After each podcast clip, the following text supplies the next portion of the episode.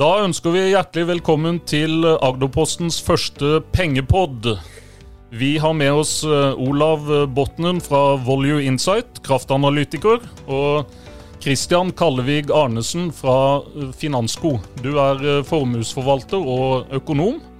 Mitt navn er Jon Andreassen, og i dag skal vi snakke om det veldig mange snakker om for tiden, nemlig strøm, økte kostnader og hva folk bør gjøre med pengene sine. Velkommen til dere. Takk. Takk for det. Det er en ny renteøkning i dag, Kristian. Styringsrenta opp eh, en halv prosent. Kan du først si litt om, om hva styringsrenta er og gjør? Ja, eh, styringsrenten ble i dag satt opp eh, 0,5 prosentpoeng, som for så vidt var eh, en ventet økning. Um, styringsrenten det er den innskuddsrenten som bankene får eh, i Norges Bank.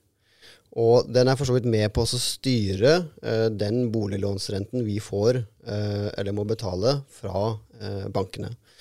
Eh, når bankene låner ut eh, penger til f.eks. husholdninger og bedrifter, eh, så henter de bl.a. den kapitalen i, i, kapitalmarkedene, og som igjen er påvirket av det nivået Norges Bank setter på styringsrenten. Så, så, enkelt forklart, så hvis Norges Bank ønsker uh, høyere kostnadsnivå på, på, lån, så kan de gjøre det ved å øke styringsrenten. Boliglån nå, det, det begynner å bli uh, dyrere å ha, å ha bolig. Et, et, lån på to millioner økte, eller har økt med, med 2000 kroner i måneden på, på kort tid. Hvor, hvor, kritisk begynner det å bli for, for husholdninger nå? Isolert sett på uh, boliglånsrenter og boliglånskostnader, så burde det jo egentlig ikke være så kritisk. Uh, hvis vi får boliglånsrenter nå på la oss si 4% og vi beveger oss opp mot 4,5, uh, kanskje i verste fall 5, selv om jeg tror ikke vi skal, skal så høyt, um, så vil det selvfølgelig merkes på husholdningens likviditet. men Rent historisk så er jo ikke boliglånsrenter på 3,5-4-4,5 uh, ekstremt høyt. Men det er klart vi har kanskje vært litt bortskjemt de seneste årene ved at vi har hatt uh, lave og, og, fallende renter over tid. Og det er ikke så lenge siden vi hadde boliglånsrenter på ja, halvannen til, til 2% Og det er klart Fra de nivåene så er økningen stor. men historisk så, så, er jo ikke boliglånsrenter på 3,5-4 veldig høyt. Problemet er litt at det kommer på toppen av, av mye annet. Ja, og det, det, skal vi snakke om seinere, men, eh, men, sånn eh, til slutt om renta. Eh, mange river seg kanskje i håret nå over at de ikke bandt renta på, på 1,5, 1,6, 1,7 når, når pandemien sto på som verst. Er det fortsatt en mulighet, sånn som du ser det, eller vurderer det til å binde, binde renta? Ehm, ja, muligheten er der. Om man bør gjøre det eller ei, eh, spørs nok. Eh, for de aller fleste så bør svaret være nei. Det toget har nok eh, nå gått. Ehm, nå ligger tre, fem og tiårs fastrentebinding ganske likt, rundt 4,5 prosent. Vil kanskje øke også litt fremover. Men det er, det er ganske høyt. Så for de som reelt sett skal vurdere rentebinding, det er nok de som er veldig sårbare for å få boliglånsrente på ja, fem eller, eller, litt over fem. Uh, men uh, nei, toget har nok gått. Ja. Men, men, frykter du at, at renta stiger altså veldig mye mer? Ja, får definere veldig mye, men uh, jeg blir okay, kan, kan, vi, kan, vi se, kan vi se renter på 7-8-9 i, i, løpet av, i løpet av to år? da? Nei, vi er veldig usannsynlig. Uh, jeg mener det er sannsynlig at vi får, med de rentebanene som Norges Bank nå legger til grunn, at vi får boliglånsrente på ja, pluss-minus uh, 4,5 uh, neste år, neste sommer. Um, og hvis man da ved de grepene får stagget inflasjonen, eller, eller, prisveksten, som for så vidt er det Norges Bank prøver på, så vil vi nok eh, eh, få litt lavere boliglånsrenter eh, i årene etterkant, tror jeg.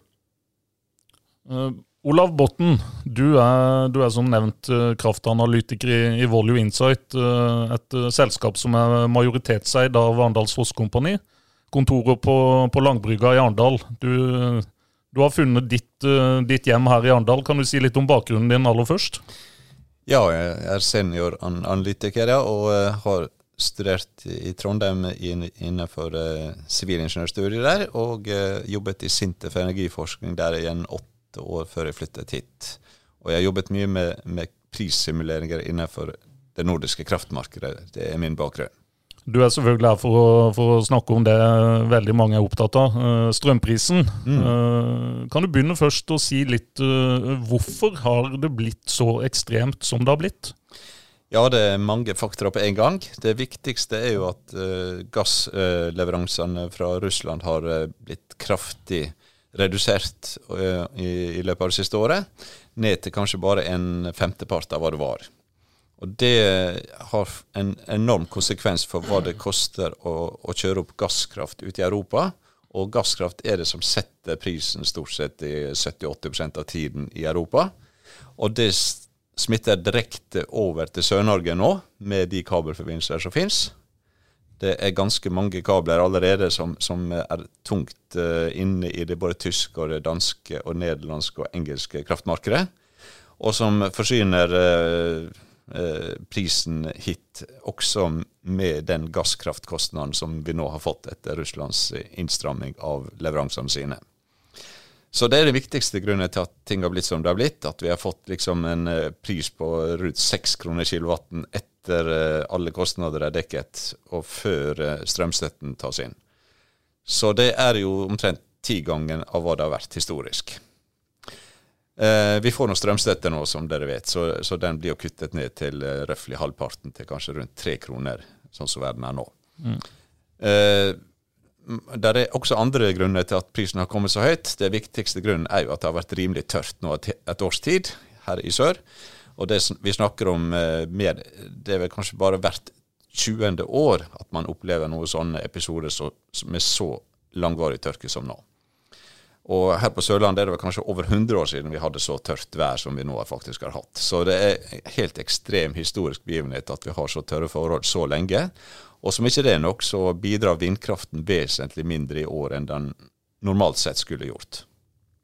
Så eh, de tre faktorene er de aller viktigste. Men det er en faktor til, og det er at uh, Tyskland har stengt veldig mange av de gamle kraftverkene sine, som delvis har gått på kull kull eller, eller uh, brunkull, og de uh, forurenser selvsagt ganske mye i sin drift. Derfor har man redusert de. Dessverre så ble man da eksponert for gassen fra Russland veldig sterkt, og det slår tungt nå tilbake. Mm. Vi har altså en strømgruppe på, på Facebook eh, med, med, over 600 000 medlemmer. Det klages mye på politikere, på strømstøtta, på, på andre ting, på utenlandskabler. Har de noen grunn til å klage, eller er dette en helt uh, umulig oppgave for uh, politikere å, å, løse? Det er vanskelig å løse fordi det er ganske komplisert, det hele bildet her. Men jeg, jeg må også si at den vannkraften vi har her i landet, er veldig billig å produsere. Det koster bare rundt 10 øre kilowattimen å produsere denne kraften som vi har i Sør-Norge.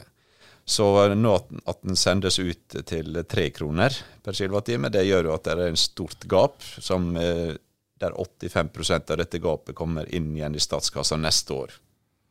Gjennom beskatning av eh, kraftleverandørene. Så eh, det er et stort rom å ta av hvis man ønsker å redusere strømprisen. Hvorfor ønsker de ikke å gjøre det? Det må politikerne svare på. Det kan ikke jeg svare på. Nei, nei. Hva, hva, tenker du om, om den strømstøtteordninga som er per nå, da, 90% av eh, det som kommer over 70 øre? Er det en, en, en ordning som, som vanlig mann i gata kan leve med?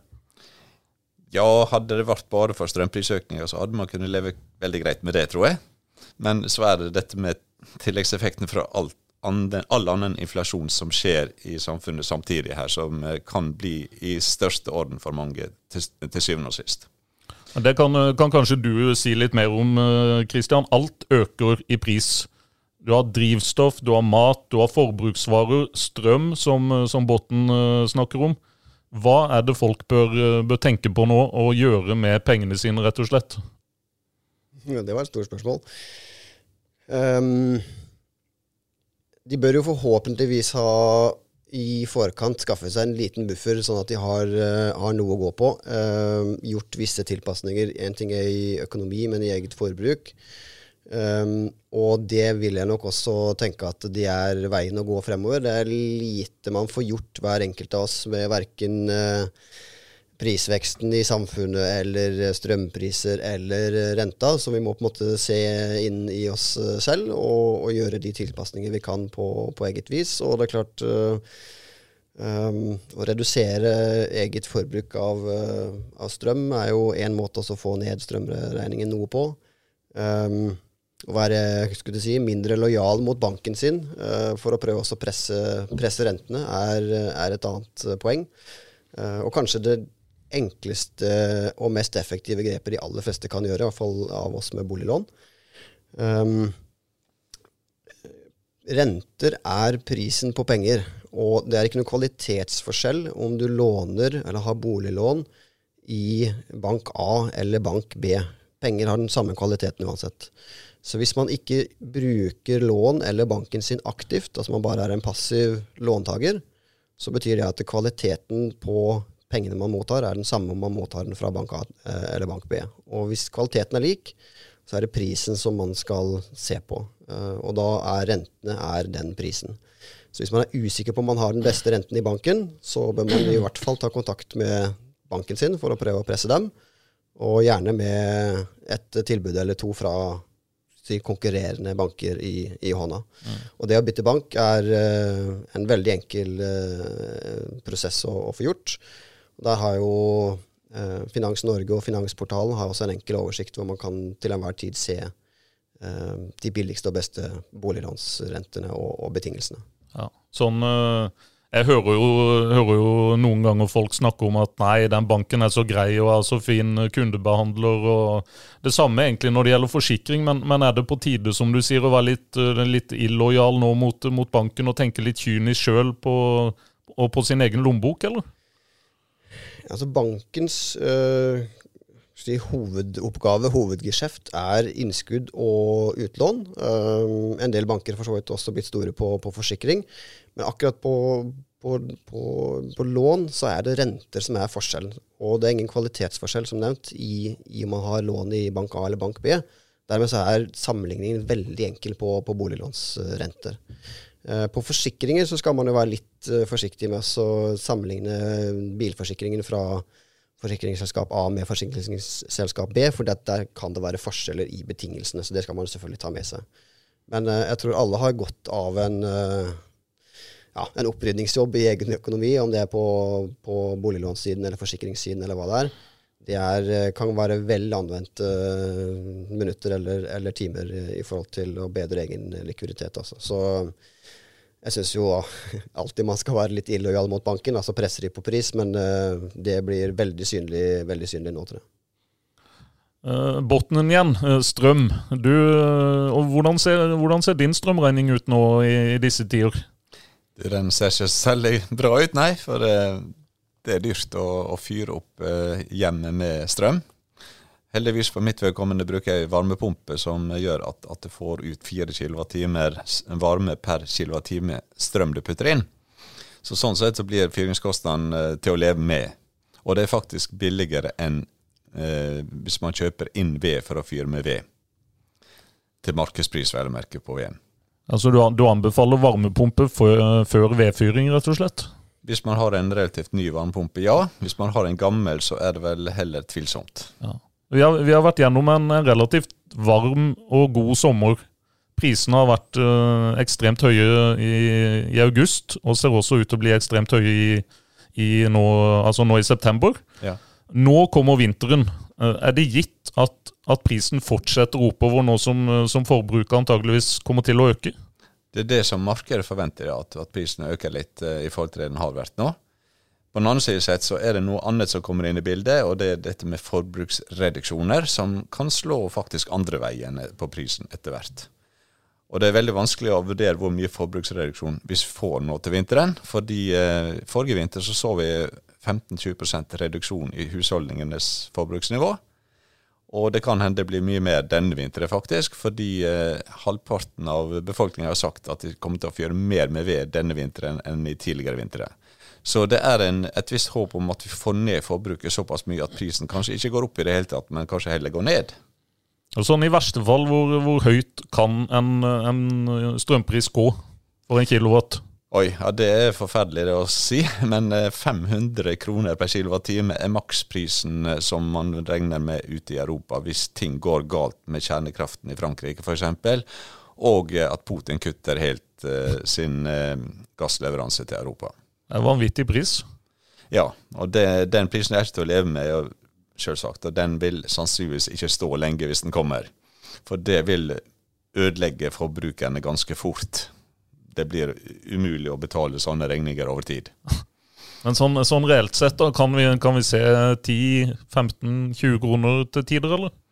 Ja, i korte perioder, hvis det blir skikkelig kaldt, så kan man faktisk havne der, dessverre. Men eh, som sagt, det er nok bare i korte perioder. Det, det, en sånn pris vil ikke stå lenge, for da får man stor grad av eh, ødeleggelse av forbrukere, rett og slett. Da er det mange industrier og servicevirksomheter som stopper opp virksomheten ganske fort. Jeg så nylig eh, Los eh, de, de kom med et tilbud. 6,49 eh, kroner per kilowatt fastpris november-desember. Mm. Er, det, er, det, en lønnsom pris eller et lønnsomt tilbud å hoppe på? Eh, vel, det er jo alltid en vurdering med risiko og sånne ting inne i bildet. For min del valgte jeg ikke å ta den. Jeg tror altså at forbruksreduksjonen vil bli såpass stor at det faktisk vil være lønnsomt å la være å binde seg på den prisen. På den annen side sett, så hvis man ikke tåler noe høyere pris enn det, så bør man kanskje binde seg av den grunn. Mm. Men uansett, strømstøtten får man uansett, så lenge man ikke bor i hytte, da. Så eh, vil man faktisk få den strømstøtten, og, og mer enn halvere den prisen in the end. Mm. Ja, Da er vi jo inne på en annen ting. Eh, det er jo disse som, eh, som bruker 5000 kW og har fastpris, og tjener mangfoldige tusen i måneden nå på på strømmen. Hva, hva tenker du om, om den ordninga når den slår ut sånn? Nei, Det er selvsagt umulig å tilpasse det til den siste halve prosenten som har en sånn avtale. Det, det er veldig få som har en sånn avtale, så det, det, det er veldig ubetydelig i det store bildet. da. Men selvsagt, de som gjorde god butikk en gang i tiden, de lever godt for det nå. Du tror ikke det er mulig å på en måte skille det ut nå med en ny, en ny eh, strømstøtteordning? Jo, det kan man absolutt gjøre hvis man vil, men, men som sagt, det er vanskelig å treffe samtlige 100 av kundemassen med sånne tiltak. Jeg må også nevne det at det, Norge er vel det landet som har den beste strømstøtteordningen i den situasjonen vi har havnet i. Fordi Norge har offentlig eid nesten all kraftproduksjon, i motsetning til mange andre land. Og Norge har også gassinntekten som ingen andre land har, faktisk. Hva tenker du Kristian, om, om, de som fyrer opp boblebad, lader to Teslaer, setter på ovner i kalde uteboder bare for å, for å tjene mest mulig nå og bruke mest mulig?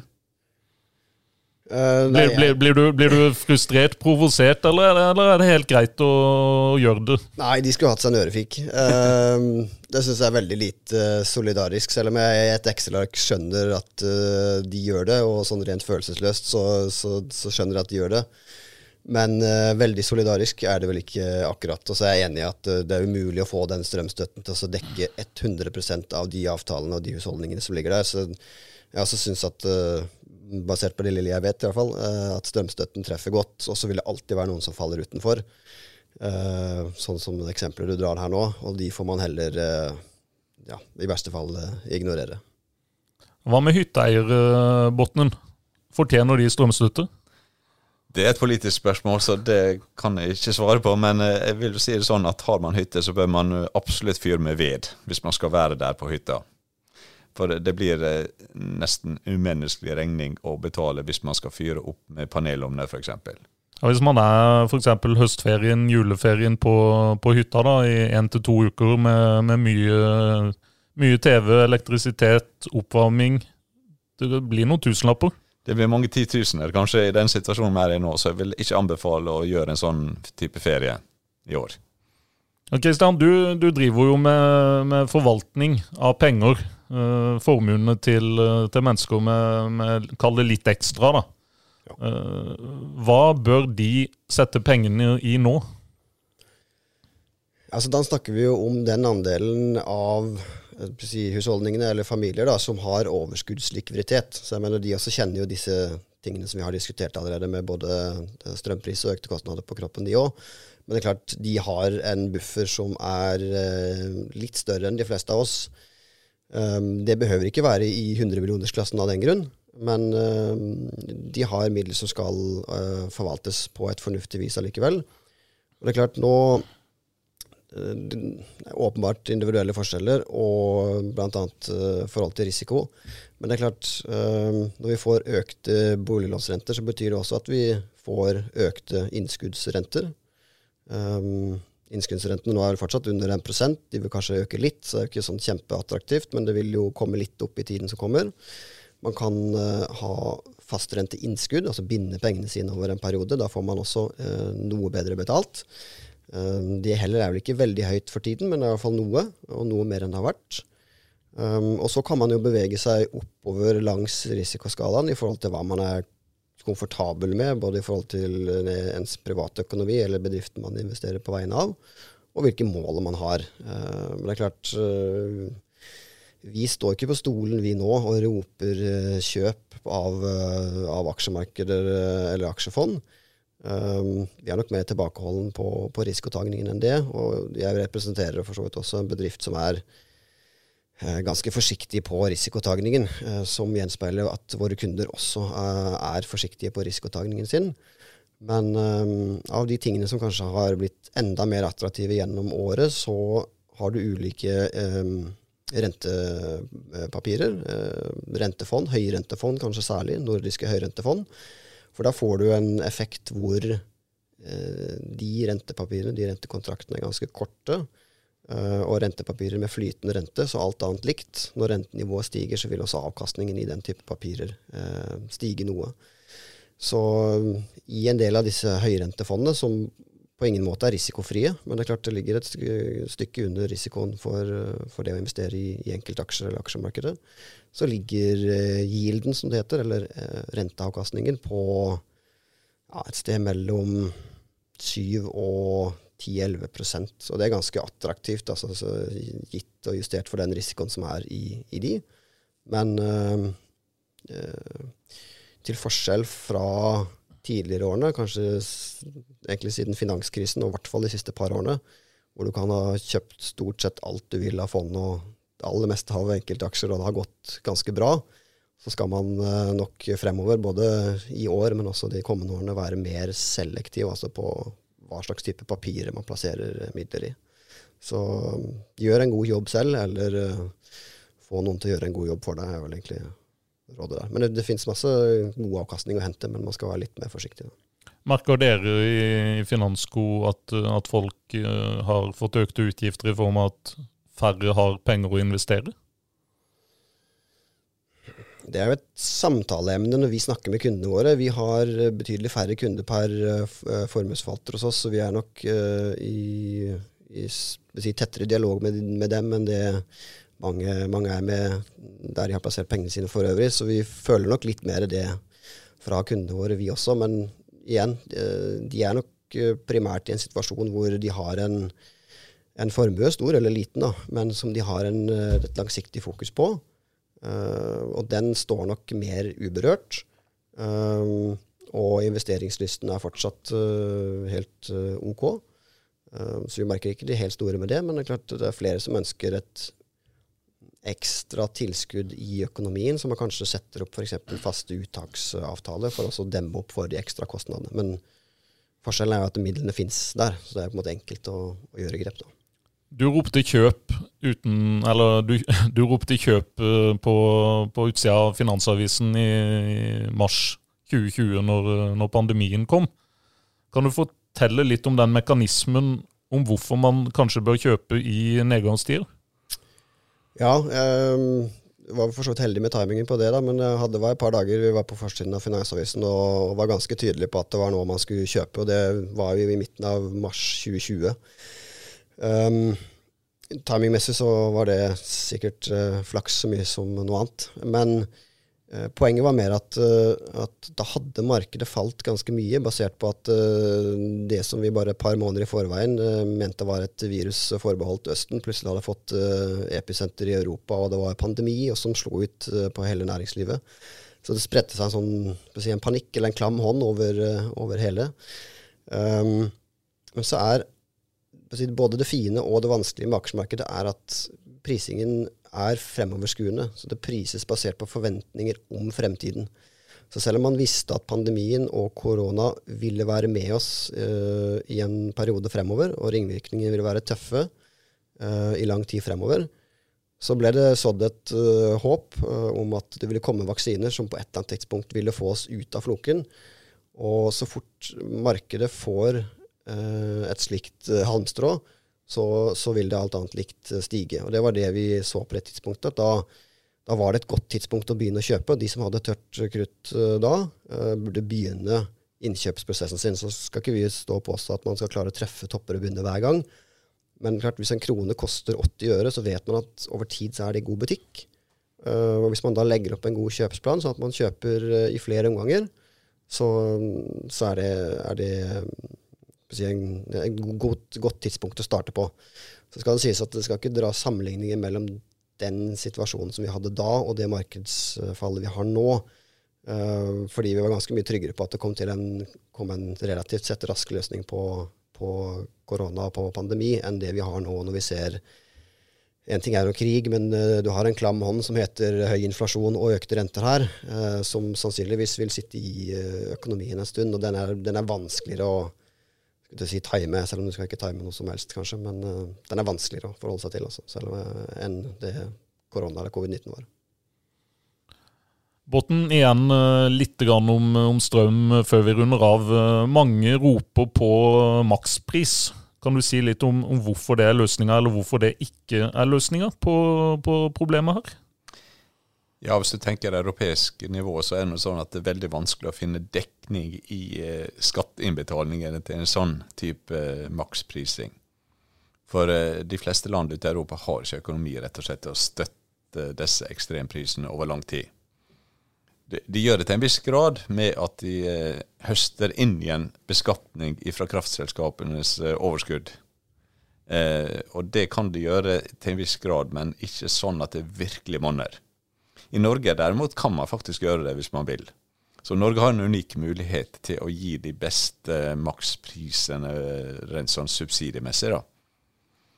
Men eh, hvis du tenker markedet som sådan, altså inne i det daglige spotmarkedet, så er det veldig vanskelig å regulere pris. For da blir det feilallokeringer av produksjon. Dvs. Si at det blir feilaktig plassering av gasskraft versus eh, vindkraft og vannkraft osv. Det blir en feilaktig rekkefølge i hvordan du tar i bruk kraftverkene etter hvert som forbruket øker. Mm. Og det er veldig uheldig, og det gir, gir veldig kunstige eh, disponeringer i kraftmarkedet. Men hvis det f.eks. innføres en makspris på, på 50 øre per kilowattime, hvem tar kostnaden over de 50 ørene? Er det, er det, staten som må inn og dekke det? Eh, staten betaler da ut på forskudd det de får igjen i beskatning år etterpå, kan du si. Så, så egentlig så er, tar, gir staten noe tilbake i forhold til den uh, skatteinngangen som kommer året etterpå. Jeg forstår. Kristian, frykter du øh, ekstreme priser i, i, vinter? Ja, gjør jo det. Uh, det tærer på lommeboka, det. Både for, uh, for meg og de, de, rundt meg. Så det er jo ikke noe godt å se, se de strømregningene som vi har hatt nå i sommer. Og det har jo vært på sommeren. Så det er klart, når prisene som vi hører her stiger litt gjennom vinteren, og vi i tillegg øker forbruket, så blir det tøft, det. Så det kan godt være at vi får en, eh, en, eh, en, eh, både tøff høst og tøff vinter. Det er vel ikke noe spesielt overraskende eller bombastisk spådom på det. Da lar vi det være siste ord her i Agderpostens pengepod. Tusen takk for at dere gjestet oss i dag. For det ha en god helg når den tid kommer. Takk likeså.